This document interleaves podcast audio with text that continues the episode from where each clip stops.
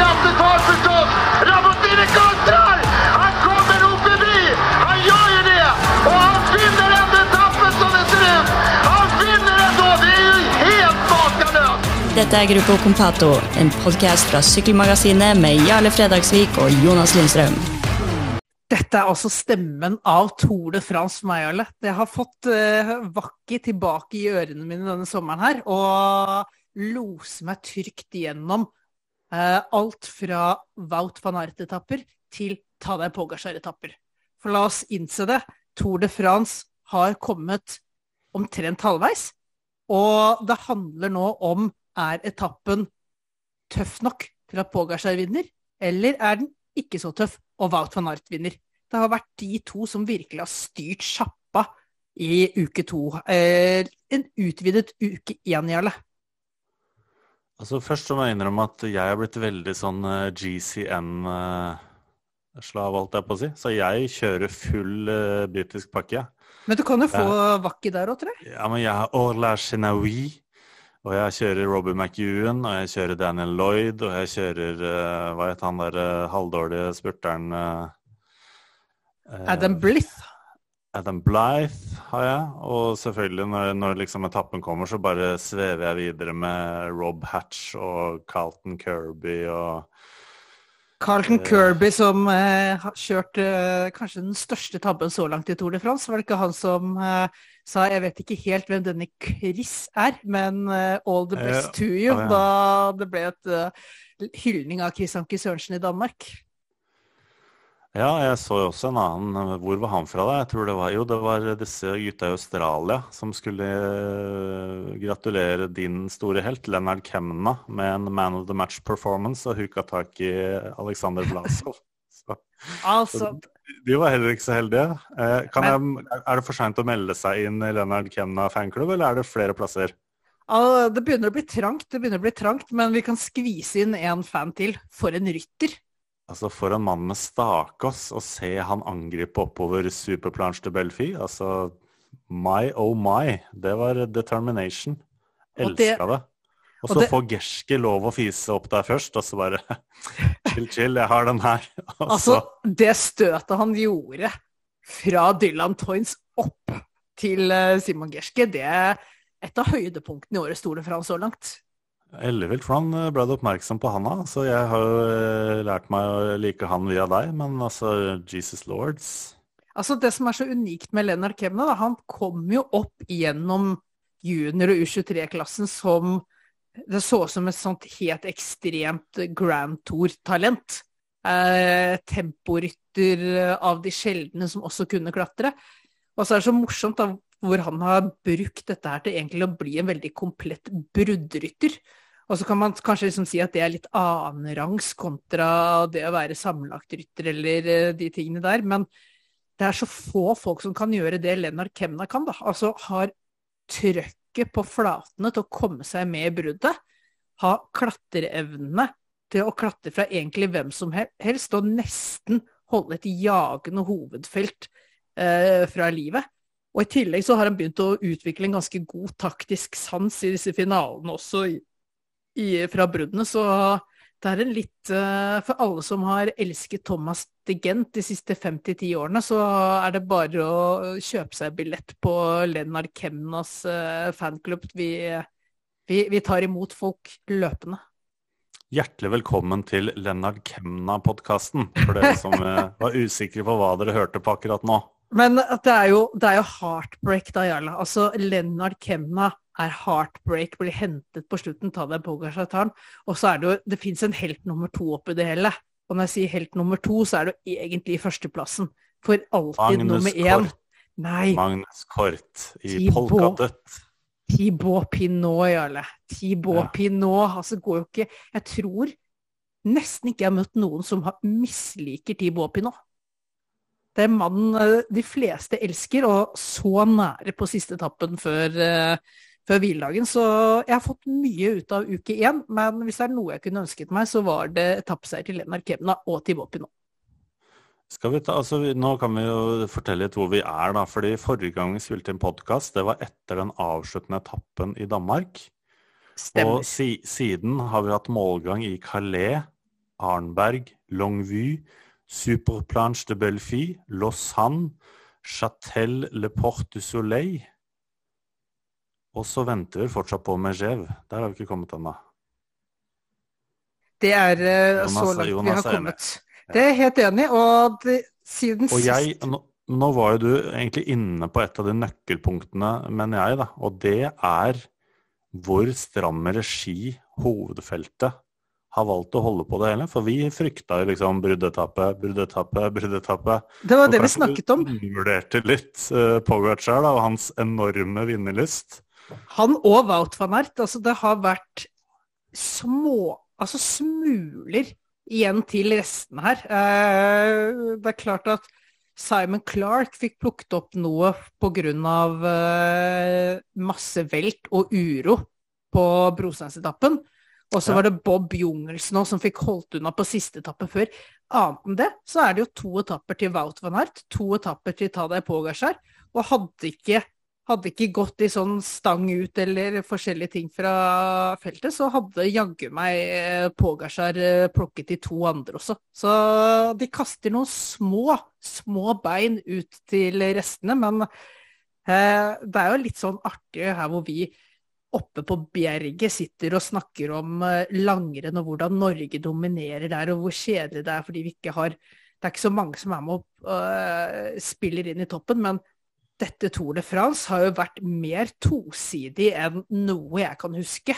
Eh, vi har hatt storspurter, vi har hatt storklatrere, men at noen har plukket med seg, ikke bare plukket med seg etappen, men dominert så mye som det Wout van Aert og Tadej Pogacar har gjort til nå, det kan ikke jeg huske. Jeg vet ikke om du kan huske sist vi hadde Tour de France, eller hvor vi kom halvveis ut i første uke, og det var to ryttere som var så mye mer dominant enn alle andre til sammen. Jeg tror ikke vi har liksom sett at de samme typene har vært såpass dominerende. Altså, du, kan jo, altså, du har jo hatt Petaki eksempel, som har vunnet fire etappeseiere. Kittel Mm. har vunnet veldig mange seire. Men de, er- men de er kicka på slutten, liksom. De siste 150 meterne har de ligget foran. Og så er det jo, jeg mener det er et kjennetegn for Tour de France, da. At dette er liksom toppen av kaka. Mm. Og vinner du her, så holder du høy kvalitet. Så hvis du liksom ser på hvem som har vunnet Tour de France, det er selvfølgelig alltid en one-off her og der. Altså det er jo et ja, meningsløst brudd som går inn, eller noe sinnssykt som skjer, og så blir det helt annen utvikling enn vi trodde. Men altså, det er jo type sånn André Greipel, Tony Martin, Tom Bonen, Petter Sagan Altså, det, Du- det er du de, største stjernene, da.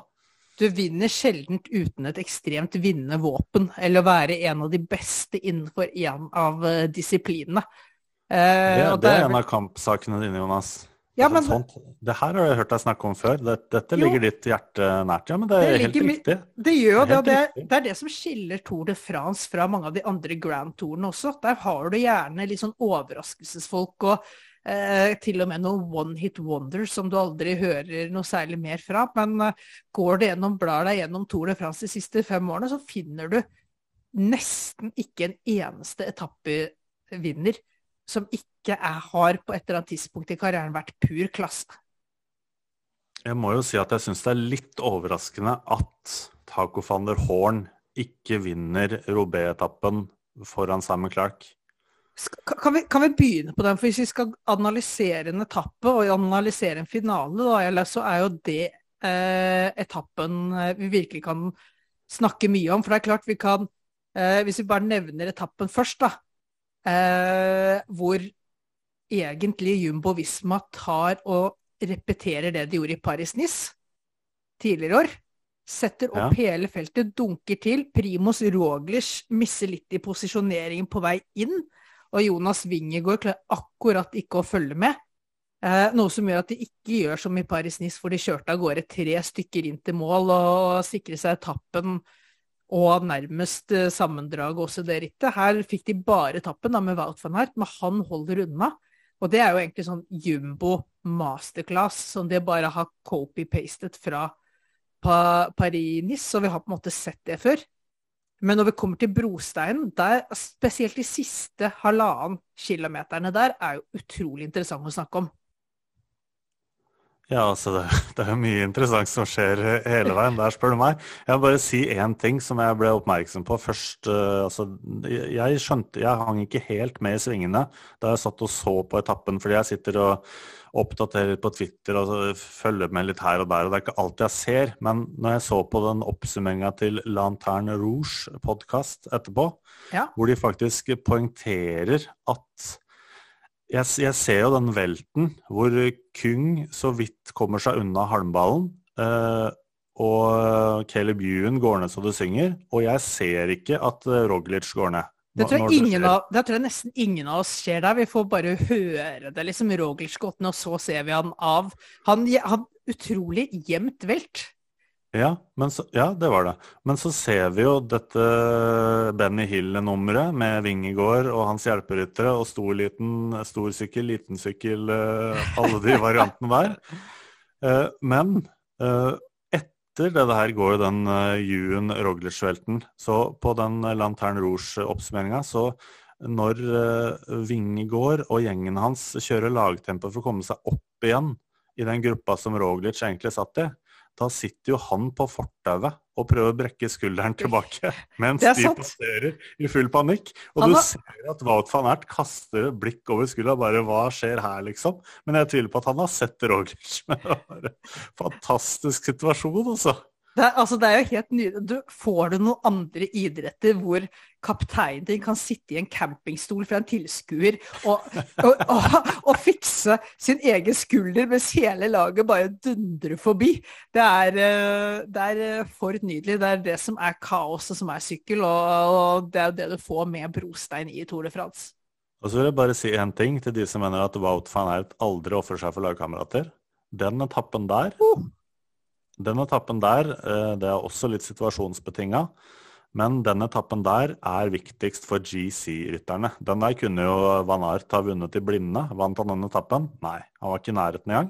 Han var litt avskrudd underveis, faktisk, og dingla litt på halen og Da først, altså, han, fikk, var først han fikk det sammenlagte rytteren. Altså etter velten så var det som han sier, han så avskrudd ut. Han var liksom som, som om vinnervilja gikk litt yes. slukka inn. Men med en gang han fikk et oppdrag her for Ving i går, så dro han jo nesten resten av etappen. Han kjørte nesten inn ta deg Pogasjar på egen hånd for Vingegård. Går. Det var helt enormt.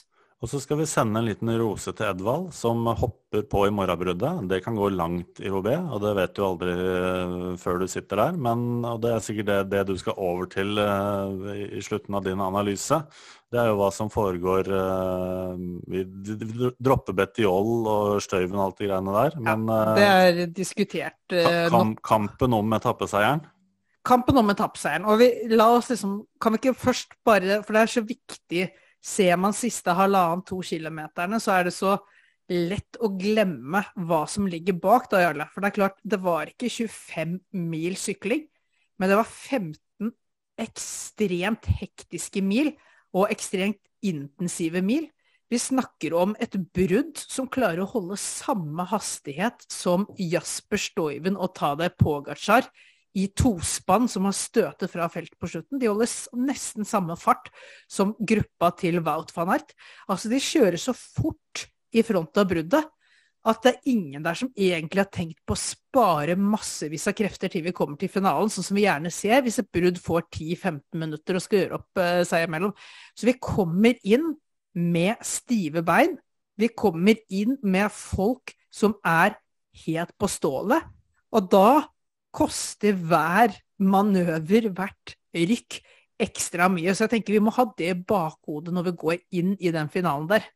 Men jeg ser også når eh, Pogacar og Støyven begynner å nærme seg, så utligner, og da svarer de foran der. Og det ja. syns jeg også er så deilig å se. At, altså, for en kollektiv yes. innsats av det bruddet.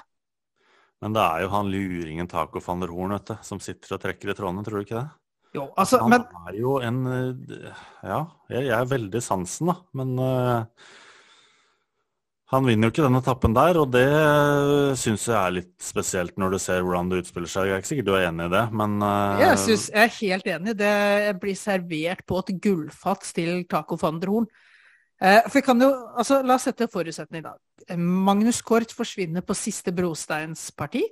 Og da sitter vi igjen med Edvald Boasson Hagen, Vi har Taco van der Horn.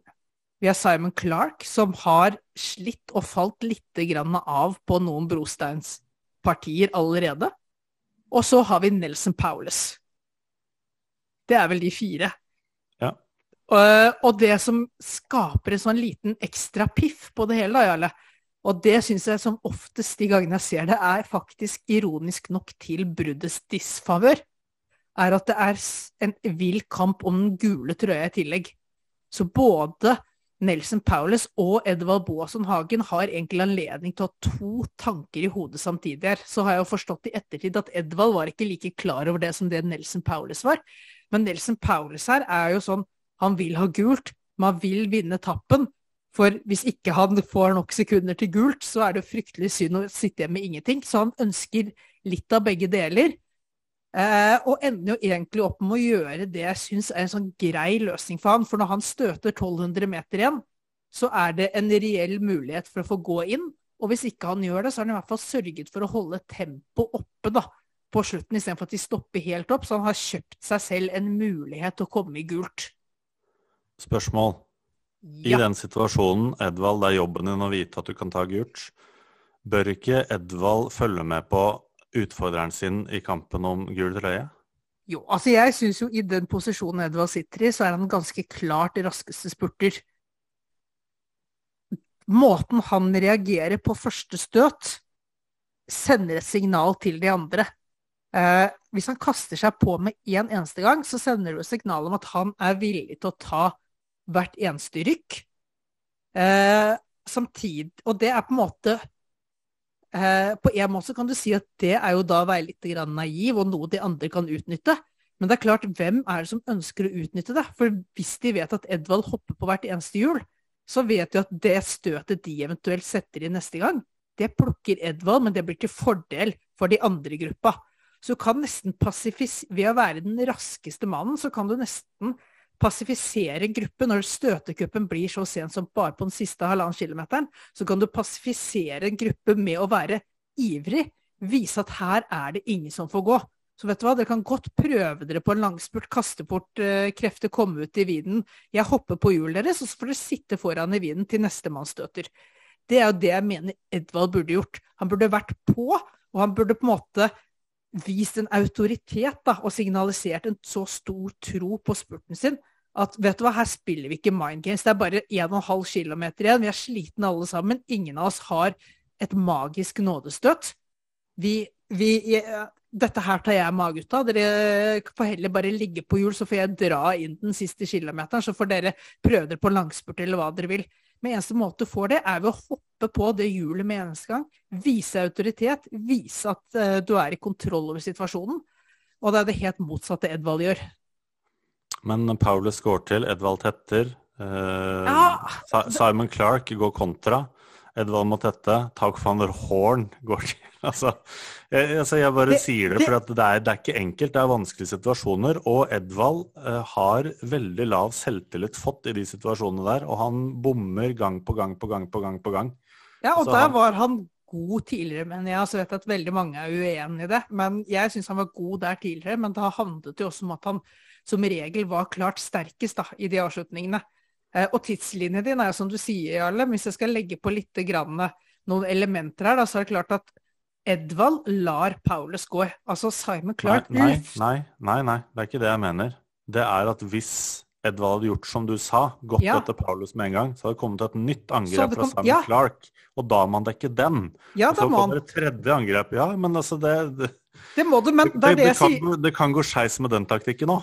Selvsagt kan det gå skeis med den taktikken nå, men i mitt hode, da, så hvis du er på, og du viser med én eneste gang, så hvis du ikke nøler engang, så ville jo jeg sittet der som sistemann tenkt at jeg er ikke den som ønsker å være nestemann til å støte, for denne mannen plukker jo alt som støter. Jeg vil at alle andre skal støte. Og hvis alle de tre andre sitter og tenker at jeg håper en av de andre her støter på Edvald, så går jo tiden, ikke sant. Vi har bare 1,5 km her med egentlig støtecup. Det er altfor kort tid. Når det blir så kort tid, så er alt lagt i hendene på den beste spurteren. Hadde vi snakket 15 km fra mål, da er jeg helt enig med deg, Jarle. Da må du pick your fights, og så må du kanskje også havne på offensiven selv, som den raskeste rytteren.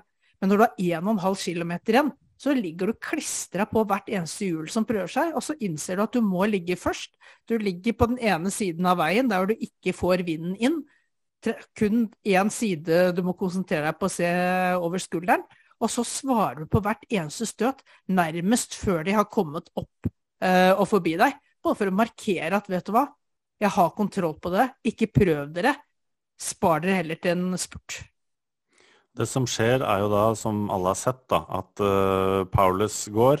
Edvald kikker seg bak uh, og prøver å uh, si med albuen 'Den får dere ta, kom igjen'.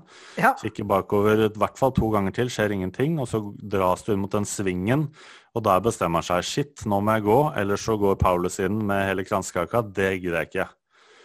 Og så når Edvald tar den jobben, så er jo Clark nødt til å tette luka opp igjen til Edvald, og så kjøre forbi Edvald på oppløpet, for han er jo pinnestiv rett etter at han henter Paulus. Yes. Og mannen som får det hele servert, er jo han eh, tacomannen som sitter helt bakerst, og da pusher eh, seg forbi eh, Clark på utsiden. Og at mm. Clark da faktisk klarer å mobilisere og komme tilbake igjen, og faktisk klarer å tenke at Shit, er det fortsatt 300 meter igjen til mål? altså, det ble langt og seigt oppløpet der, altså. Det... Det, det... gjorde det, og her er det jo Altså, Simon Clark gjør jo mye veldig bra. For det første, han gir Edvald den derre lille, lille luka. Ikke nok til at han forsvinner ut av slipstroomet, men nok til at Edvald tror at han er i ferd med å kjøre de rett av hjul, slik han gjorde med Nikias Arnt sist han vant en etappe i Tour de France. Han ser han ser bare uh, det, det, øyeblikket flashe eh, i minnet sitt, og tror han har gjort det. Eh, Clark klarer da liksom å hente han inn, få pustet lite grann, og så gjør jo Taco van der Horn altså, Det har vært tre mann i, død, i dødens posisjon, og Taco van der Horn som blir trukket fram. Så klarer Taco van der Horn å overvurdere seg selv og dra på en langspurt og det er klart, Normalt så skal Taco van de Horn dra på langspurt, men når han blir trukket fram til linja, så må han jo gå så sent som mulig. Eh, men han går så tidlig at han mister eh, momentum. Altså han kommer opp i sin toppfart, og så begynner han å dale ned. Og det er det liksom han daler ned fra toppfarten at Clark får slått tilbake. Han skulle sørge for at den spurten ikke ble lenger enn at han kunne nå toppfarten og holde den det er med en gang den begynner å dale, så er Clark der. Og, og for en, for en innsatsvilje, for en fighter-egenskap av en mann som egentlig har vært forbi sine beste dager, og litt sånn som eh, Domenico Pozzovivo i Vantigrupp Gobert fikk muligheten, fikk ny kontrakt sånn i tolvte time før sesongen. Så at han i det hele tatt er i Tour de France, er fantastisk. At han vinner en etappe her, er eh, tett på sensasjonelt. Og måten han kaster sykkelen framover på, da. Altså, og hele kroppen. Det er jo Det bør komme på frimerket. Altså, det var eh, det, det, var faktisk rått. Men eh, Jonas, dette blir tre og en halv time. Vi skal snakke så vi, lenge vi, vi, om FA Baasson Hagens taktiske eh, ferdigheter. Ja, det, vi, vi, får liksom si at det var den etappen vi gikk mest nøye gjennom. For, for etter dette, Jarle, så er det jo egentlig det vi vel antok at skulle bli noen bruddetapper. Altså jeg tenkte til Longvy og til Superplanche de Belfi og kanskje også til Lausanne at uh, det var tre potensielle bruddager. Jeg ville trodd i utgangspunktet to av tre ville endt med bruddseier. Minimum én av tre. Istedenfor så blir det to ganger ta deg Pogacar og én gang Wout van Aert. Ja, altså den Longvy-etappen, den, den, var jo fantastisk. Det var en helt vill eh, støtecup eh, som varte vel i 75 km eller noe sånt. Det var vel der godeste Wout van Ert uh, Var med på alt? Var med på alt, ja. Endte opp i uh, tremannsbrudd på slutten der. Uh, Superplanche de Belfi har vi også vært innom. Det var jo Kemna som ble tatt uh, 90 meter før streken. Og så syns jeg egentlig den Lausanne-etappen den overraska litt sånn positivt. Altså, ja, altså eh, Det ble jo igjen en fight da mellom Pogacar og Wout van Ert, eh, som van Ert gikk eh, seieren ut av. Men altså den trappetrinns det, altså det, Jeg syns det var veldig spennende da, når uh, utviklinga blei sånn som blei. Alle satt der. Du har Først du har du liksom spurtere som må gi seg på slutten der. Du har uh, disse klassiker uh, Ardenner-typene som selvfølgelig har lyst til å være med på moroa. Du har uh, GC-lagene som trøkker til, og trøkker til spesielt UAE, da, og får av veldig mange konkurrenter. Og så munner det ut i den uh, Matthews van Art Pogacar-duellen. Altså, ja, jeg syns egentlig første uka um, avslutta overraskende positivt. Jeg syns du har truffet på mange av de profilene de har lagt opp til. Ja, det, det, har vært litt sånn Jeg trodde det var litt sånn tydelige dette blir bruddseieretappe, dette blir ikke bruddseieretappe. Men uh, det handler også litt uh, igjen, da kanskje noen vil si at jeg går litt imot hva jeg sa sist gang, men at rytterne her har spilt en stor rolle i hvordan uh, rittet blir. Uh, og det handler jo mye om at Wout van Ert på ingen måte skulle gi fra seg den gule trøya uten en kamp. Det var ikke snakk om å la et brudd gå på den Longby-etappen uten at han var der. Om det så endte opp med at han kun ble sittende der sammen med to andre, kjørte seg sønder og sammen og måtte gi fra seg trøya av den grunn, så så han på det som en mer verdig måte å gå ut av gult på enn uh, noe annet. Så Eh, all honnør der for eh, innsatsen, og så får man heller si at eh, det kanskje er på tide i uke to da, å dele ut litt mer til de andre rytterne. For det er Jumbo og UAE som har tatt fullstendig styring på dette rittet her. Jeg har funnet et par sånne nerdestats. En om Wout van Ert og en om Tadej Pogacar. Er du klar? OK, jeg er klar.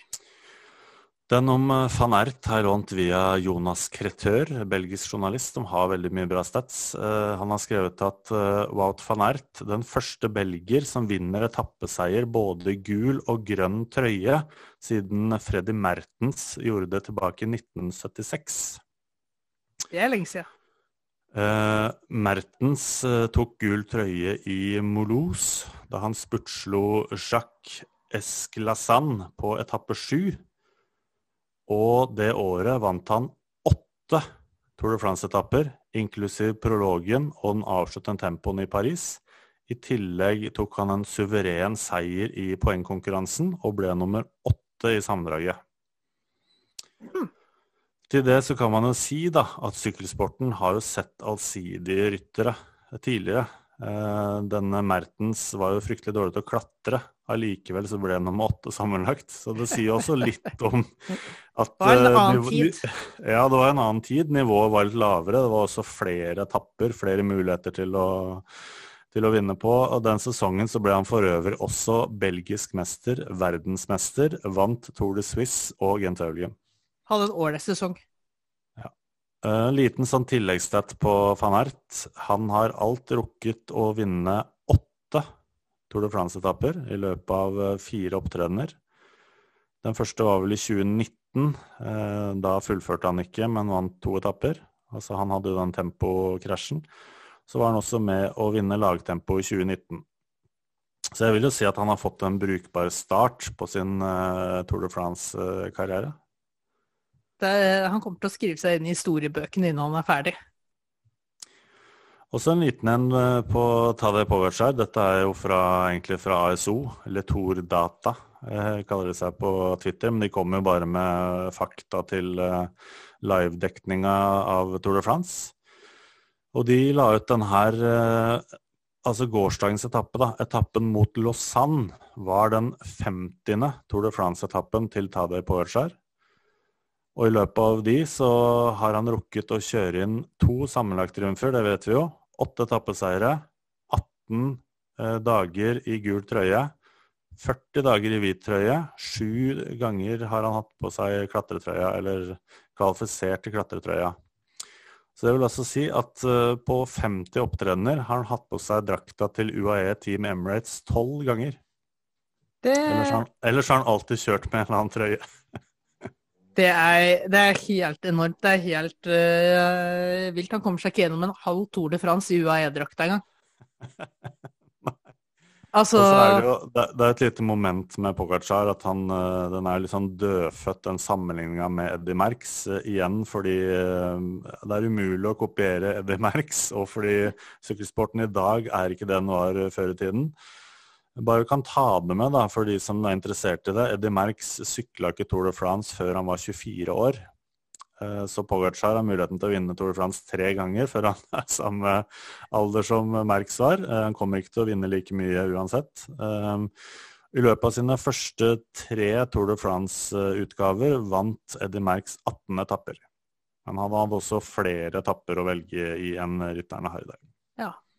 Jo, men, det var litt statistics uh, på to ryttere som har forsynt seg voldsomt av uh, årets Tour de France og begivenhetene så langt. Det setter ting i perspektiv, men hvordan i alle dager skal konkurrentene utfordre dem. Da, da er det jo først og fremst når vi kommer inn i uke to, Jarle, så snakker vi jo først og fremst om hvem er som skal utfordre Tadej Pogasjar. Hvem skal gjøre det, og når skal de gjøre det? Uh, hvis vi starter litt med hva er det som venter da, i uke to av etapper? Hvilke muligheter er det som byr seg for de som ønsker og har et realistisk håp om å ta den der gule trøya av Tadej pågasjer Nei, har vi egentlig trua på det da, når vi har Altså i forhold til hva vi har snakka om så langt i denne podkasten. Altså vi skal jo til Alpene, så det er liksom uh, Jeg ser jo for meg at Tour de France langt på vei kan bli avgjort eh, i Alpene. Eh, mest fordi etappe 11, Albertville Col du Granon, Grandon, og den påfølgende, hvor du har Galibier Uh, Col de Croix og Alp d'Huez. Ja, altså de er så Usannsynlig harde. Da. Uh, brutale, begge de to. Jeg tror kanskje at den første blir den verste. Jeg tror du kan skille masse Det første? Tror du det? Altså ikke den vi skal Ikke den som kommer på tirsdag. Nei, men, men uh, Albertville eh, Grandon. Du trenger Telegraf Galibier og Granon? Ja, den er ikke yes. Den er røff. Den er røff. Ja, altså den siste der. 11,3 km, 9,2 i snitt. De siste syv kilometerne snitter på 9,6. Målgang i 2400 meters høyde. Det er hardt. Det går jo over Galibier på 2626 meter. Oh, det er høyt. Eh, så jeg hører at mange sier at eh, det er mulig de ikke tar av der pga. etappen dagen etter, men, ja, men jeg kjøper det ikke det helt. Det kommer jeg det tror, til. Eh, ja, jeg tror dette blir åpen slakterdisk og vel så det. Ja, og da det er vel egentlig de to etappene. Hvis vi ser da, altså Før det så har vi på tirsdagen så har vi denne her, vi snak, var inne på den før Tour de France. Jeg slakta etappen med 19 km, 4% stigning. altså Eh, det er nok til å bli kvitt de fleste andre enn sammenlagtyterne, men det er veldig vanskelig å få utslag mellom de beste av de beste. Så har vi disse to etappene som vi er innom nå. Så har vi en sånn uh, spurt, eller kanskje aller helst bruddetappe, uh, på den 15. juli. Da har vi vel kommet til fredag, kan det stemme, Jarle? Fredag 15. juli, ja. Ja. Eh, og så på lørdagen så har vi en etappe jeg ser litt fram til, men som ikke tror kommer til å gjøre altfor mye utslag i, i sammendraget. Det er denne hvor du har eh, Cote la Croix Neuve, eller Neuve, på slutten, Ja. med 2,9 km av 10,5 En sånn vegg på 3 km hvor det absolutt er mulighet til å få til noe hvis en konkurrent er dårlig. Og så kommer det en, eh, på søndagen igjen, før neste hvileetappe, så kommer det en ny sånn brudd, brudd eller spurtetappe. Eh, så det er jo disse to store alpetappene som du er inne på, Jarle, som kan, kan gjøre en enorm forskjell i sammendraget. Vi kan jo ta litt på der, de taktiske problemstillingene og, og hvordan eh, feltet ser ut i toppen der, da, hvordan det er delt inn. Du har jo UAE-laget, veldig greit. Ta det på Pogacar, eh, Maika, Bennett, McNulty, Bjerg, Soler, Hishi. Alle de er, stiller seg til disposisjon til Pogacar, det er ikke noe tvil om det. Starke Langen er reist hjem. Så har du Ineos, Grenadiers, eh, som i dag eh, gikk det jo skikkelig skeis for eh, Daniel Felipe Martinez. Det var Han, jo han har dingla øh, utfor stupet gjennom hele Tour de France, dessverre. Så Ja, han er ikke der er han skulle vært. Nei, men uh, også, nå vet vi jo det. Men det er jo litt synd, fordi du vil jo alltids ha en mulighet til å liksom gå på et sånt langdistanseangrep og liksom Legge press på?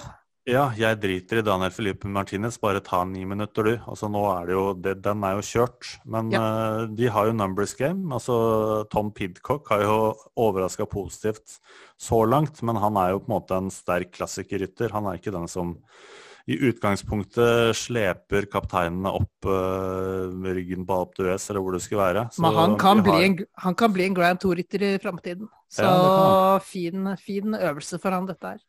Men der har du jo Jeran Thomas, som går overraskende bra, og Adam Yates også ser jo uh, tålelig bra ut. Men dette er jo ikke typer som i utgangspunktet har eksplosiviteten, klatreferdighetene, kicket, som Vingegård og Pogacar kan dra fram når de trenger det.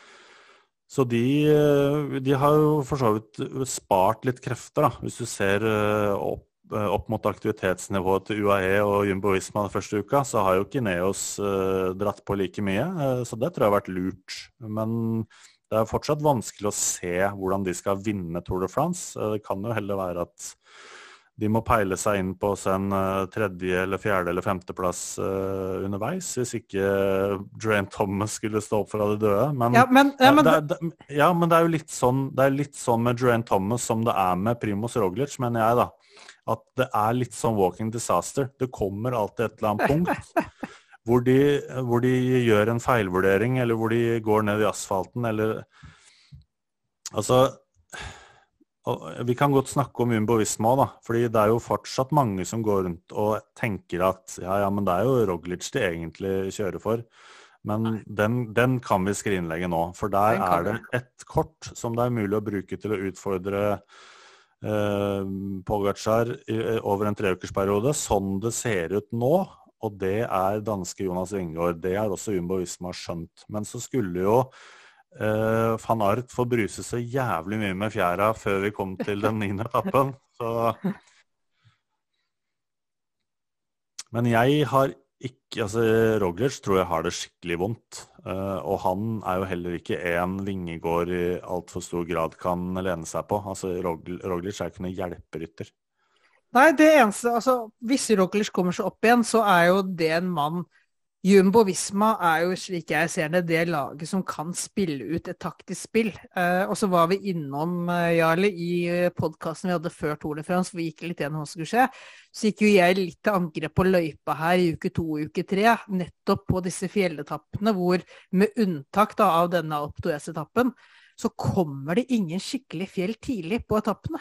Noe som betyr at vi får sendt av gårde et brudd. Og så får vi sett, da, sånn som på siste etappen før uh, denne hviledagen her, da, hvor UAE kontrollerer i stor grad et stort brudd. Og de kunne fint hentet inn Bob Jungel som de ønsket det.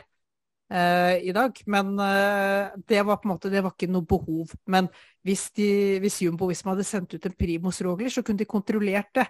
Og jeg skulle gjerne hatt en mulighet for Jumbo Visma til å skape fullstendig kaos. Altså sette sette opp Kreuzweig, Sepkos og Wout van Ert i et første fjell, sprengt den gruppa i fillebiter, og så sett om han klarte å få Roglish i gang på en uh, på noe langdistanseangrep, rett og slett for å gi UAE en reell utfordring. Og der har jo på en måte altså hell i uhell, da. Så har man i hvert fall fått satt dette hierarkiet i Jumbo som du snakker om, som gjør at Eh, og Primus Roglic er jo av typen som er litt uredd hvis han først får, eh, hvis han først har lite å tape, som han nå er satt i en posisjon til å gjøre. Han kan fint finne på sånne ting, men de må se nøye på løypa, så må de finne gode punkter. For eh, jeg syns ikke arrangøren har delt ut gode kort på deres hånd, men at de må gjøre et eller annet der. og jeg tror det handler om for dem at jeg tror ikke du får av gårde Roglic til å gå inn med fem minutter snudd og at han vinner Tour de France. Hvis det skjer, imponerende. Det nærmeste de kan gjøre, er å prøve å tvinge Tadej Pogasjar til å gjøre mange små feil. Stresse han opp, noe som eh, vipper den duellen mellom han og Vingegård i Vingegårds favør. For eh, selv om Pogasjar kjører eh, ustresset, kvikt og med stor selvtillit, så tror jeg ikke det skal være tvil om at Jonas Vingegård og det nivået han har vist fram til nå, det, det, setter seg, det merker seg hos Tadej Pogasjar. Han merker at han får ingenting gratis i årets Tour de France. Han kan ikke parkere Vingegård når som helst. Det kommer til å koste enormt med tid og krefter og liksom sakte, men sikkert slå Vingegård. For det er det han må gjøre i år, er jeg ganske sikker på. Han må sakte, men sikkert slå han. Han kan ikke gjøre som i fjor, hvor han parkerer han med flere minutter på en etappe. Hvis han får til det i år igjen, så ja, da tar jeg meg hatten og alt mulig. Det er enormt imponerende. Jeg tror ikke vi er der i år. Vi snakka om en annen ting også i vår Tour, de France preview. Det var jo om den, den grønne trøya da, og jakten på den. Om det på en måte var en sånn liten skal jeg si, unnskyldning, da, fordi de skjønte at uh, det er ikke sikkert at vi kommer til å stikke herfra med den gule trøya, men se hva vi gjorde, liksom. Vi vant fire etapper, vi har grønn trøye, og Vingård ble nummer tre. Vi var liksom best, uh, best overall. Men det, jeg, det jeg lurer på, er uh, hvor interessert Det høres rart ut, da. Men jeg, jeg føler ikke at de går 100% inn for at Jonas Vingegård skal vinne Tour de France, det syns jeg er litt merkelig. Nei, altså så spørsmålet om de, hva de har gjort. Da. For det er klart de har nesten avgjort denne grønne trøya allerede nå. Så sånn sett så kan man si at man la masse fokus og kraft i den tidlig, og så kan man heller nå flytte fokus helt over på gult herifra og ut. Det er jo mulighet man kan si, at man unngå litt sånn parallelle løp, fordi du har tatt fullstendig lurven av alle Wout van Harts uh, utfordrere på den grønne trøya. Men jeg er veldig spent på å se. Jeg, jeg håper jo sånn sett at vi ser for, for, det der at du er Det er veldig lett da, at den offensive utgaven av Jumbo Visma vi har sett fram til nå, at det på en måte forplanter seg til en slags passiv rolle når det kommer til fjellene. Nettopp fordi det er som du sier, at vi har jo vi har allerede fått til ditten og datten, og nå skal, Ving, nå skal liksom bare være Vingegård, se om han klarer å slå Pogasjar. Nei, jeg håper de kommer ut og tar med seg momentumet. Eh, og bare svinger løs på den gule trøya fra alpetappen nummer én. Det er det som er mitt uh, store håp her, for uh, det er på en måte min utfordring til Jumbo Visma er å ta tak i det. Virkelig tro på det fra nå av. Se hvordan Vingegård flyr. Eh, se an formen til Roglic tenke ut scenarioer. Hvordan kan vi bruke ham? Hvordan kan vi bruke øvre del av laget? Altså, Kos ser veldig bra ut. Kreuzweig vet vi kan levere på det beste. Wout van Ert kan levere strålende enkeltprestasjoner i fjellene. Hvis han eh, får mulighet til å spare litt krefter eh, mellom slagene. Så jeg vil se en tydelig slagplan fra Jumbo Visma. Jeg vil se eh, noe de tror på, og så skal de få lov til å feile hvis de gjør det.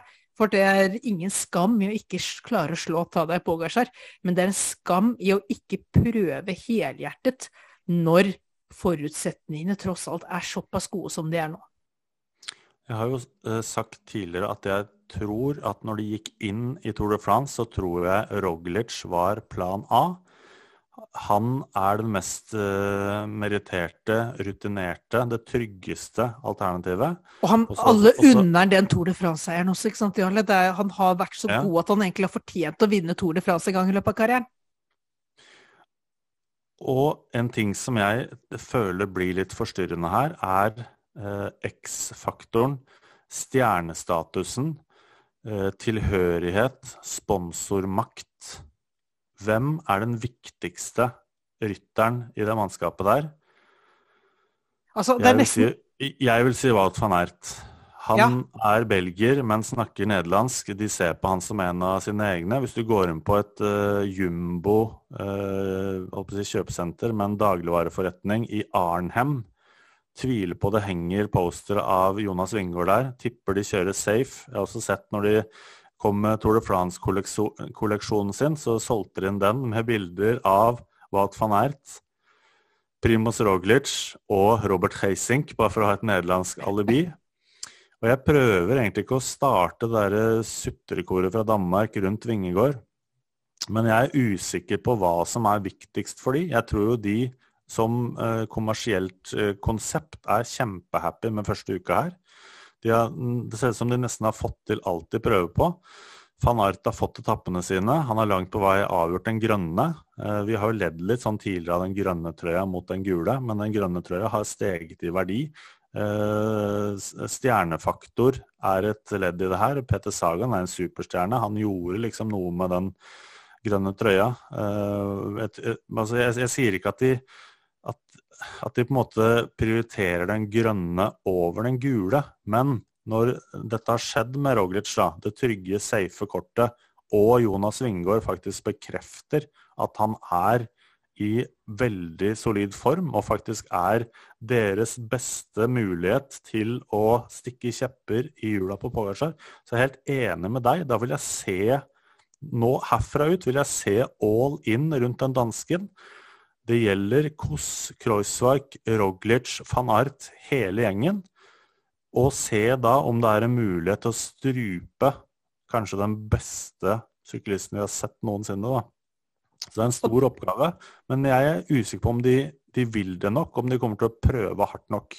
Og der, der jeg mener at, eh, helt enig med at der må Jumbo Visma snu på sin egen mentalitet. For sjelden har vi vel Jeg kan aldri huske at vi har hatt en rytter, seriøs utfordrer til Tour de France-tittel, som er et så tydelig tredjevalg på sitt eget lag. Altså Vi så at Chris Froome var så tydelig andrevalg og underkutt Bradley Wiggins i det første året, men da var det bare sånn Da visste man at det kom til å komme Froome sine år etter det. Men, eh, og da var det bare én mann. Eh, men her er det så tydelig som du er inne på tredjevalg. Eh, hans posisjon av en eller annen grunn så har på en måte ikke hans posisjon verken i Jumbo Visma eller kanskje i sykkelverden generelt heller klart å holde tritt med den kometkarrieren han har gjort fra forrige juli fram til i år. Det er litt sånn ingen Det føles ikke som at noen har helt klart å ta inn over seg akkurat hvor eksepsjonelt det er.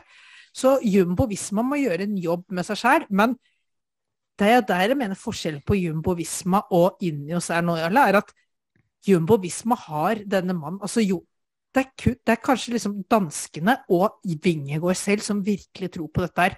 For han sykler som om han er en enestående kaptein. Altså, han er med på alt. Han kopierer Tadej Pogasjar i måten altså han, Hvis ikke han får backing av laget, så er ikke han det som legger seg ned og sutrer og klager. Da er bare Vet du hva, jeg gjør jobben sjøl. Jeg hopper på riktig hjul. Jeg følger med på det som skjer. Eh, veldig i Pogasjars ånd. Eh, mens du har Injos, som har det, Nå ligger liksom deres beste kort ligger an til å være Jane Thomas. Og han mm. uttaler jo 'Jeg har vært her, jeg har vunnet dette før'. Nå skal han med vesten, var det ikke det? Jo, nå skal jeg, ja. nå skal jeg nyte det, Jarle. Altså, han er, mer, han er jo mer der den gamle stjerne som har falt, og som har fått litt sin gjenfødelse, men ikke i den grad at han altså han innser selv også at han ikke vinner Tour de France. ikke sant? Så Sharon Thomas skal kjøre inn til en tredje-fjerdeplass sammenlagt og være kjempefornøyd med det på egne vegne. Og det mener jeg at Sharon Thomas har all mulig grunn til å være på personlige vegne òg. Det er bare at det burde ikke harmonere med inni oss sitt ønske. Altså, det er nesten verre å ha en Joan Thomas som ønsker å bli nummer tre-fire sammenlagt på egen hånd, enn, enn, å ha en som ikke er god nok, da. Uh, spesielt liksom, hvis du kommer, begynner å se litt mer langsiktig og skal ha Bernal tilbake og prøve å virkelig gå for det. Men ja, Injos har havnet i et sted hvor jeg ser ikke at de Hos Injos så er det ikke mulig å snu mentaliteten, tror jeg. Hos Jumbo Visma så handler det om at de går i seg selv og virkelig overbeviser seg selv og lagkameratene til Vingegård om at de har tidenes, en av tidenes muligheter til å utfordre Tadej Pogasjar. Og da får de spille på alt. Eller det er bare spille av den her tempoen til La Plage de Belfi for noen år siden, hvor han slår eh, Primus Roglic, hvor han tok den gule trøya fra laget på siste mulighet. Vil vi ha revansj? Vil vi slå denne unggutten? Skal vi å, sjokkere en hel sykkelverden? Skal vi gjøre det med Jonas Wingegård? Hvis pokker skal vi gjøre det? Altså, jeg vil se den der. Du ser for deg motivasjonstalen i hodet. ikke sant? Det er det som må til. De må ut der. Så må de virkelig snu det, og så må de si pokker heller. Nå går vi for dansk uh, seier. Hvor lenge klarer man å holde Roglic, Vingegård, van Ert fornøyd innenfor samme satsing? Ja, da begynner vi å snakke langt lang prøvetid. Men jeg, jeg, tror det jeg, Det spørs litt Fordi, fordi Jonas Lindgaard er så snill, så går det greit, på en måte? Ja, Du foreløpig. tror Altså, han har egne ambisjoner? Nei, det er alltid sånn med disse tingene at det går bra inntil det ikke går bra. Eh, og det er jo der jeg der syns jeg du har et veldig godt poeng, fordi hvor ligger framtiden til Jumbo Visma? I mitt hode så ligger framtiden til Jumbo Visma i Wout van Aert og Jonas Wingegård. Eh, og det vil si at Primus Roglic er samtidig mannen som tok dem opp dit. Det koster mye å begynne å nedprioritere de som har brakt deg opp på toppen av stjernehimmelen. Så derfor så gjør det der litt vondt. Eh, men så er det da det, disse uhellene til Roglic, det at kanskje Roglic selv innser at han ikke er i posisjon eller god nok til å vinne årets Tour de France. Så det ville vært det aller, aller største, da, Jarle. Hvis på en måte starten på denne snuoperasjonen kom fra Roglic selv. Hvis han sitter på bussen, strekker armen i været og sier Vet dere hva? Det, det skal ekstremt mye til for at jeg vinner Tour de France. Hvilken rolle kan jeg spille for å gi laget størst mulig sannsynlighet til å vinne? Da gjennom Jonas Wingegård. Det ville jo vært, det ville vært et helt historisk og nydelig øyeblikk. Det ville jo vært det som hadde skjedd hvis dette var en amerikansk film. Men bare fordi Netflix-kameraene er på plass rundt året Tour de France, så tror jeg ikke at vi får den happy endingen der likevel. Du må slutte å si happy ending.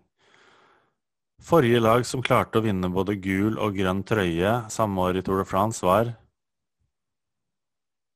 Det er quiz Det var et spørsmål. Ja, ja. Oi, oi, da må vi tilbake i tid, da. Da må vi For eh, Mark Cavendish mener at han var lovet en mulighet med det i Team Sky. Eh, det, ble, det fikk han jo ikke reelt sett, så fikk ikke tatt det. Det feila, men han vant vel fortsatt fire etapper. Men sist, sist gang det skjedde, var det med en og samme rytter?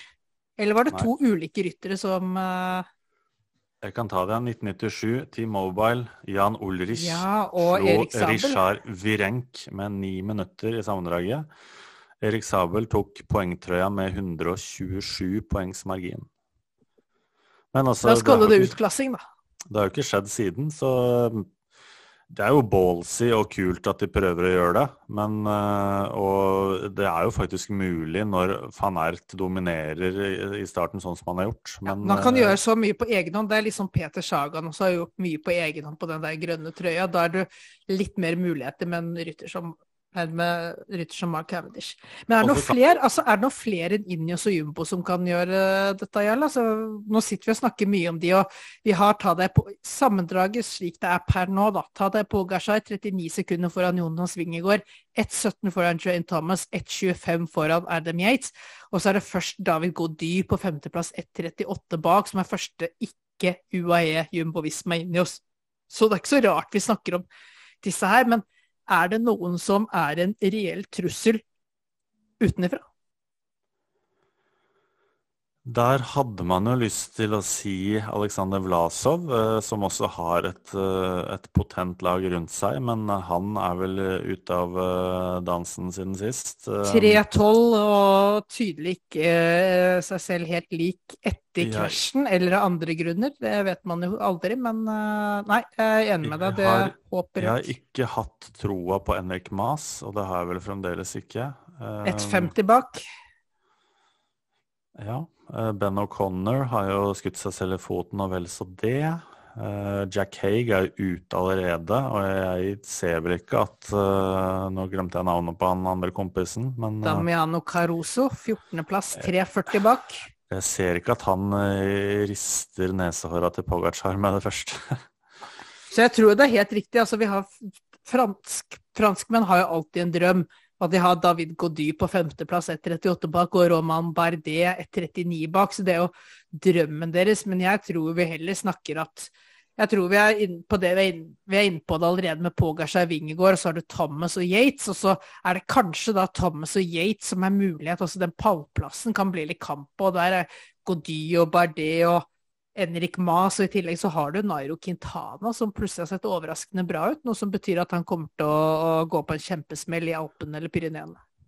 En ting som vi egentlig kan understreke, er at vi har ikke klatra voldsomt mye hittil. Du hadde Superplanche de Belfi, som eh, man kan eh, regne for en eh, solid stigning. Veldig enkel etappe for øvrig. Og så var det jo et par førstekategorier på dagens etappe. Uh, og ellers så har jo Pogacar holdt på med noe av det han kan best. Altså Han er eksplosiv, han kan uh, vinne spurt i mindre gruppe, han plukker bonussekunder her og der. Det er det han har holdt på med. Så ja. håpet for resten av sykkelfansen i verden må jo være at når vi kommer opp i høyden, og det skal bli enda varmere, og du skal Planche du Belfi er vel ca. 20 minutter lang, men når du dobler det, og du skal klatre i 30 og 40 minutter, der må vi jo håpe da, at det er mulig å lukte svakhet ved Pogacar. Og det vil jo um, altså, sette fyr på rittet igjen. Og der kan jo også altså, Jeg tror ikke at Quintana vinner Tour de France, men altså er han i superslaget, så altså, har han ikke vist det ennå fordi han ikke har vært i det rette terrenget, for å si det sånn. da. Jeg, jeg tror ikke at det blir Quintana, men altså det er enda mer rendyrka klatrere der ute som kan eh, komme bedre til sin rett når vi skal inn i Alpene og senere også Pyreneene. Og jeg skulle jo, altså Det er jo det. Det er jo sånn eh, Jeg skulle ønske Roglic ikke hadde velta. For da hadde vi fått sett altså hva kunne Jumbo Visma gjort med det her egentlig. Jeg skulle ønske at Vlasov ikke hadde velta. Altså Hvor god kunne han ha vært i det Tour de France her med den støtten rundt seg? De svarene får vi dessverre ikke. Det er litt sånn halvkjørt allerede, men alt er ikke kjørt. Og skal vi huske på at motstanderen er noe av det beste vi har sett i sykkelsporten noensinne. Og når han angriper Pogacar, det er altså så sabla gøy å se på. Så det er ikke noe sånn nedtur for meg hvis Pogacar tar sin tredje Tour de France-tittel. Det er helt fint, det. Men uh, nå prøver vi å finne litt innganger og, og muligheter ja. for at Vi vil jo bare ha en kamp om det. Uh, ja. Og det er klart, uh, og da, hvis vi da kommer inn på usikkerhetsmomenter, så er det jo virkelig og inn på ting vi virkelig ikke håper skjer. Bank i bordet, kryss i taket, alt mulig. Det er jo denne korona da, som kan snu hele dette Tour de France-feltet på hodet. Men altså, det kan, Jarle, det kan ah, jo det.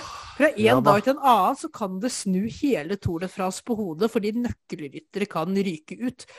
Eh, ja. Så sånn sett så er det Spørsmålet er om du også ser at noen ryttere har det i bakhodet. For det er jo selvsagt er det Hvis du tar et lag som Injos, da, som sitter her da med Thomas og Yates halvveis i slaglege, hva legger du som plan der? Skal du gå all out til takk fra, fra, start og risikere å tape alt? Vel vitende om at plutselig så tester Pogasjar og Wingegård positivt, og så har du gitt fra deg en Tour de France-seier. Så jeg tror det sitter litt i bakhodet her også, Jarl, at usikkerhetsmomentene enda flere enn det det normalt sett er. Og at det å sitte på en tredje, fjerde, femte plass da, i sammendraget, det har alltid vært prestisjefullt. Alltid noe folk mer har forsvart enn å angrepet for å gjøre bedre.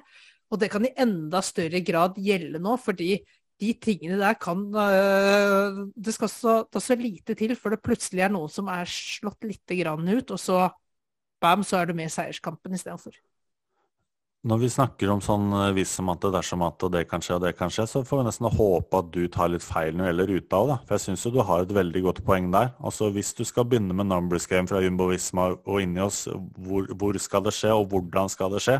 Og hvis uh, det stemmer at uh, det er ikke så mange muligheter til at vi faktisk får se det. Altså du har jo en etappe i begge de etappene i Pyreneene er det vel sånn fire til fem mil med flatt terreng før du begynner å klatre. Eh, og da spørs det jo hvor tidlig tør man åpne da, når det kommer tre fjell i løpet av 60 km, eller også på denne etappen, den første i Alpene, hvor du skal over uh, Telegraf og Galibier. Vanligvis så kommer det jo ikke noe angrep der, for du vet jo hva som venter i enden av den etappen. Mm. Men det er jo bare sånne ting vi må håpe at uh, altså noen uh, twist and turns får vi denne historien. At ikke altså Det er jo ikke avgjort per nå. Det er jo ikke noe veldig stor luke Pogacar egentlig. Men du begynner å tenke hvor skal han egentlig miste, da? Hvor skal de klare å altså Isolere er jo én ting, men han må jo knekkes. Han må jo, han må jo blø på et punkt.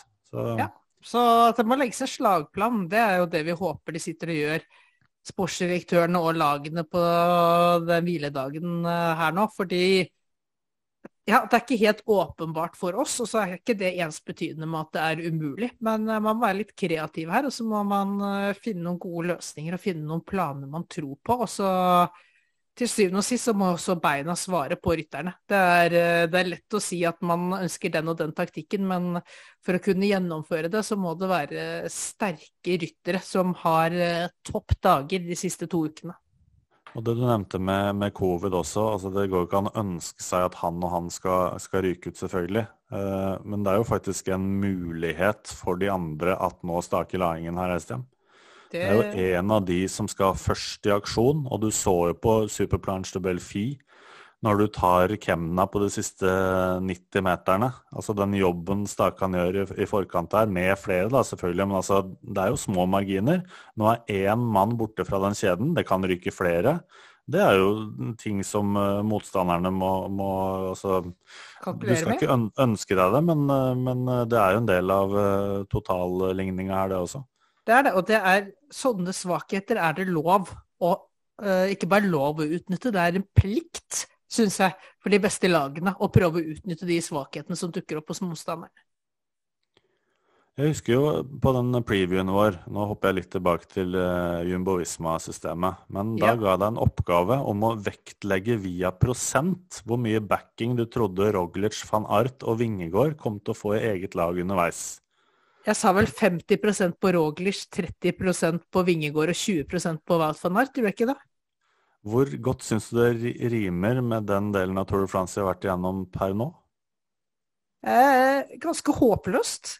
Eh, men, hvordan skal man egentlig, men hvordan skal man egentlig svare? Fordi Wout van Ert har fått en helt jokerrolle. Han har fått, ja, han har fått hjelp på et par etapper, men han har jo først og fremst gjort mye på egen hånd. Uh, altså, jeg, spurte hele, jeg spurte jo hele Tour de France, og ja. det er jo feigt av meg å bare hoppe på deg nå, men jeg bare syns men, det var uh, Men jeg er jo enig, jeg, jeg er enig i svaret jeg ga på det tidspunktet, og så er jeg også enig i at det ikke har blitt sånn.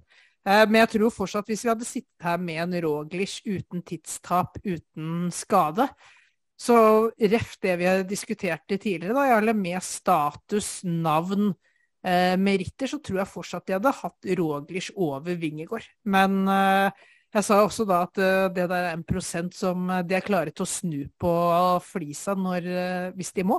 Og det er det jeg håper nå. Nå håper jeg at vi ser at det er 80-90 Jonas Wingegård herifra ut. Og så at uh, Roglic og Wout får ta de mulighetene de har, men at de først og fremst er et uh, viktige, viktige brikker i spillet for å få Jonas Wingegård opp på toppen av podiet på Champs-Élysées. Apropos spill, Jonas. Du har jo bedt meg om å ikke nevne tourmanager. Ah, det går til helvete. Er det, er det noen spesiell grunn til at vi ikke skal snakke om tourmanager i dag? Jeg var topp 150, tror jeg, etter Brosnes-etappen. Og så har jeg gjort så, jeg har gjort så mye dårlige valg Eh, altså Dylan Toynes inn er vel kanskje det beste valget jeg har gjort. Jeg hadde Stoiven inn. Jeg kastet uh, van de Poel for Matei Mohoric. Jeg valgte å ikke kjøre inn Vingegård, men Woods først, fordi jeg trodde på brudd. Jeg var ikke på Lennart Kemnaballen. Jeg kastet uh, Jumbo Visma som sportsdirektør, fikk inn Bahrain Victorius. Nå er jeg utenfor topp 4000. Uh, og alt går bare til helvete, Jarle. Ok, Så jeg trenger ikke å juble for at jeg er nummer 8641? Eh, altså, jeg ville aldri jublet over en så medioker uh, innsats, uavhengig av hvor lavt jeg har falt.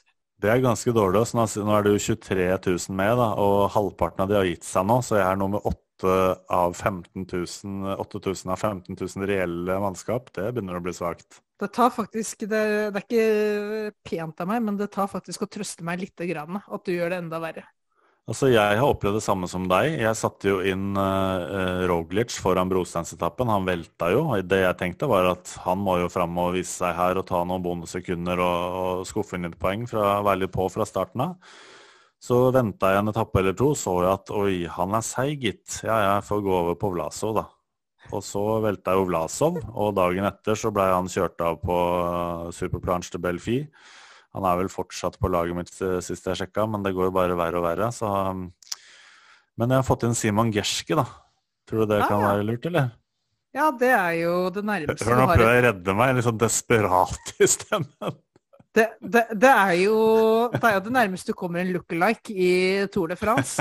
Så du har jo på sett og vis spilt på deg sjæl, føler jeg. Det er ikke dårlig bytte, men uh, jeg har aldri jeg har aldri hørt noen vinne Tour-manager på Simon Gerske, men det høres jo samtidig ut som det smarteste valget du har tatt siden forrige podkastinnspilling. Så hvis du fortsetter å ta valg som det der, Jarle, da kan du kanskje sniffe på en sånn topp 5000-plassering. Så skal jeg også prøve å få snudd denne her eh, synkende skuta. Kommer Matei Mohoric til å våkne i det hele tatt, eller eh, er det lost case? Skal han sparkes ut? Jeg var inne på Carlos Verona før eh, denne tappen her også, for han er så billig på hjelperytter. 3,9 millioner bare. Hadde vært nydelig å ha. Bob Junger skulle man jo tatt for kort. Det er så etterpåklokskapen slår inn. Men du kan jo, altså du nevnte nå at du hadde bytta ut Mathieu van der Poel og fått en Moric. Altså det var helt riktig å droppe van der Poel. det var jo et si veldig at, godt valg, og så var det bare ja. feil erstatter. Jeg skulle hatt inn Matthews i stedet for. Men du hadde ikke du han, da? Jeg har snakket om Michael Matthews fra sekundene spillet Åh, kom så ut. Så hørte du på ikke... meg, for jeg har sagt at fy faen, det blir blytung Tour de France for Matthews. Altså Kan jeg si noe om han? Altså, Jeg skjønner nå hvorfor uh, idrettsutøvere og, og, syklister hater andreplasser. Fordi han har vel to andreplasser så langt. Han har ikke vært i nærheten av å vinne en etappe. Så det er jo ikke mye å skrive hjem om det der. Det... Men det er jo selvfølgelig poeng på tour manager.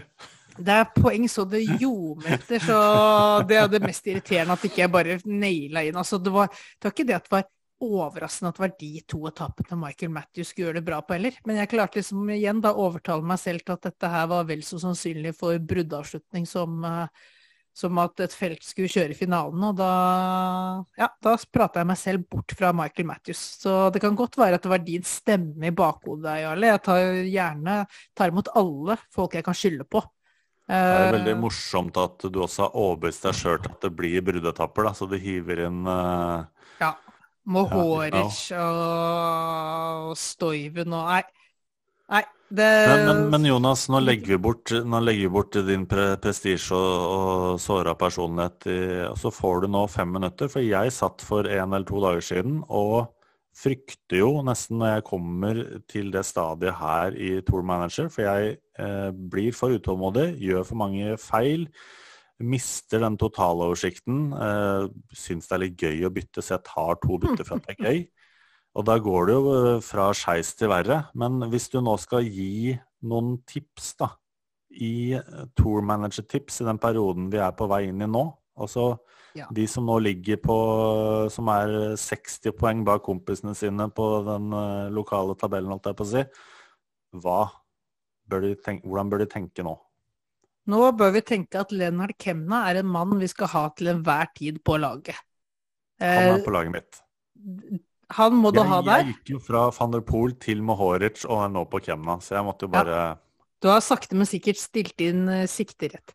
Jeg snakket sist uh, podkast om at uh, man kanskje burde se på klatrekategorien og se eh, hoppe litt der mellom om man trodde det ble brudd, eller om det blir eh, GC-dager. Eh, bomma jo der med at det, jeg trodde det skulle bli mer brudd enn sammenlagtrytterne. Der ville jeg liksom kjørt en ganske safe. Altså har du en Vingegård, Trent Thomas, så ville jeg nok gått med det inn i alpetappene. Eh, når det gjelder kaptein, så er jo Tadej Pogacar altså soleklar, bare hold han.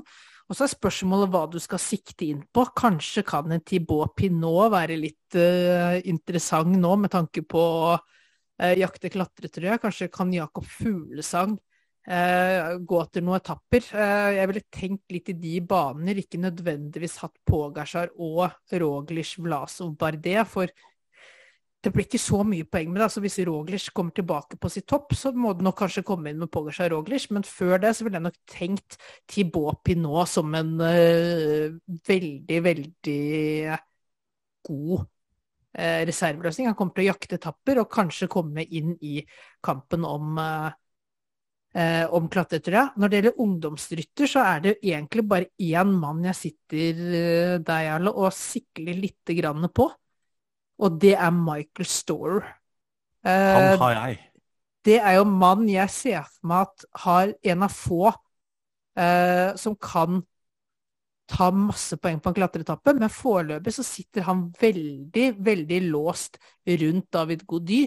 Og det er klart, Men i det sekundet Gody viser svakhet og faller ut av en uh, topp sammenlagtplassering, så må Storer inn. Det er en mann som uh, kan vinne en klatreetappe. Og hvis en hjelperytter vinner en klatreetappe, ja, da kan du tenke 500-600, kanskje så mye som 700 poeng.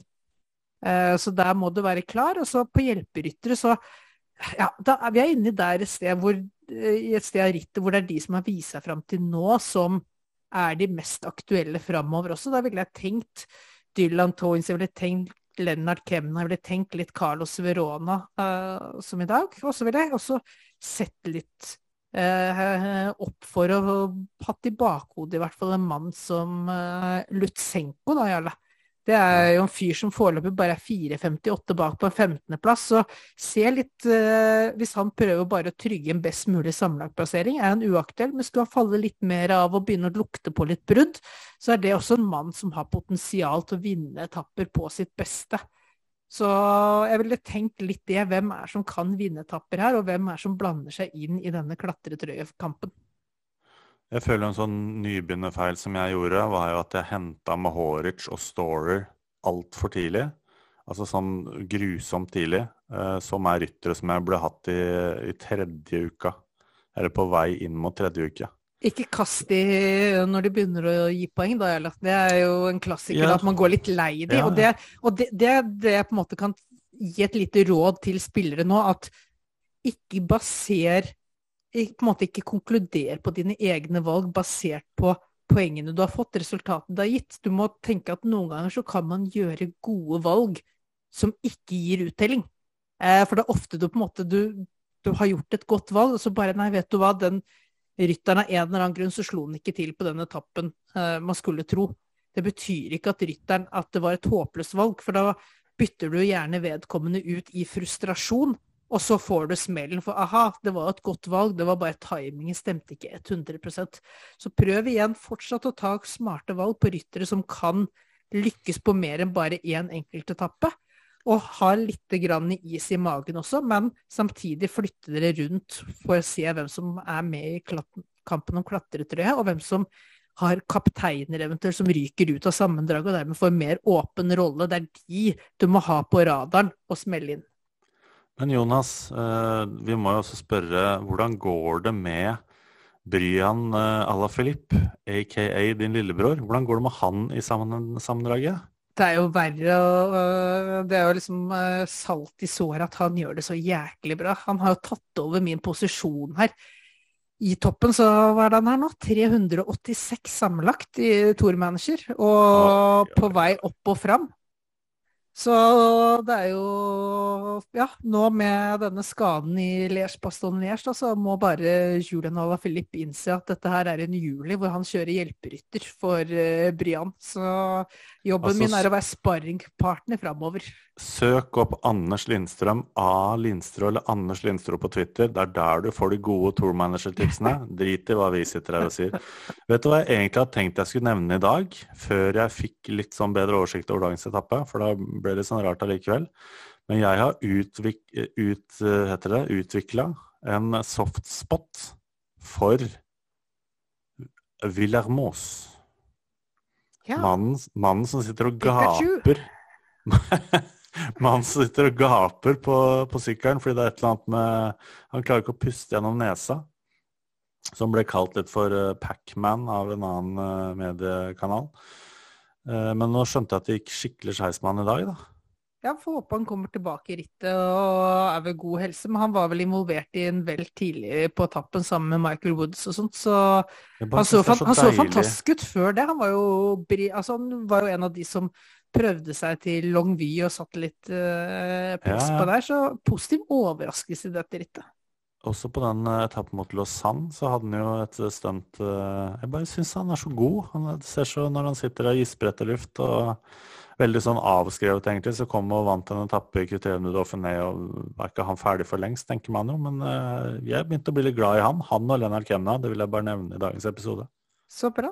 Will Moss er en mann du har lyst til å legge et pledd rundt eh, over skuldrene på når han kommer i mål, og bare Bare gi ham en god klem, rett og slett. Det har du også lyst til å gjøre med Jonas Wingård, altså. For en type det er. Liker han veldig godt. Ja, han er jo litt som en sånn nyfødt kylling som du føler at du må ta litt uh, forsiktig og pleie godt. Det Er er, det noen, eh, er det noen du man-crusher mot i årets uh, Tour de France, Jonas? Jeg har vært på Pinot og Lennart Kemna. Det er uh, Det er mine to store, og de holder jeg fast på. Og så, og så er det bare enormt imponert over Roman Bardet sin, sitt comeback i toppen. Så ja. Eh, Jeg holder meg til de. Jeg kunne plukket ut flere, men eh, de er, de er mine store helter. Skal vi erklære Gruppo Compato før du drar deg enda lenger ned i dine tourmanagersorger? La oss gjøre det. Jeg må ned og få meg en ny gin tonic her i alle for å komme meg ovenpå igjen. Oi, det sier en avholdsmann. Dette er historisk. Er det Dette- derfor du har begynt å drikke gin tonic? Pga. Det- tourmanager? Det er fordelen Jarle, med å spille en podkast i sommerferien. Da kan man drikke på jobb. Arrivederci. Da ses vi på uh, kvelden før neste hviledag. Skal vi spille nok en podkast, stemmer det, Jonas? Det skal, vet du. Vi høres da. så, mellomtiden får dere nyte Tour de France, og så måtte bestemann vinne. Både i Tour de France og Tour Manager, selv om det er lillebroren din. Nei, ikke da. Ikke da. Vi snakkes, peoples. Ha det godt. Ha det bra. Gruppo Compato er en podkast fra Sykkelmagasinet. Denne podkasten ble produsert av Medievekst.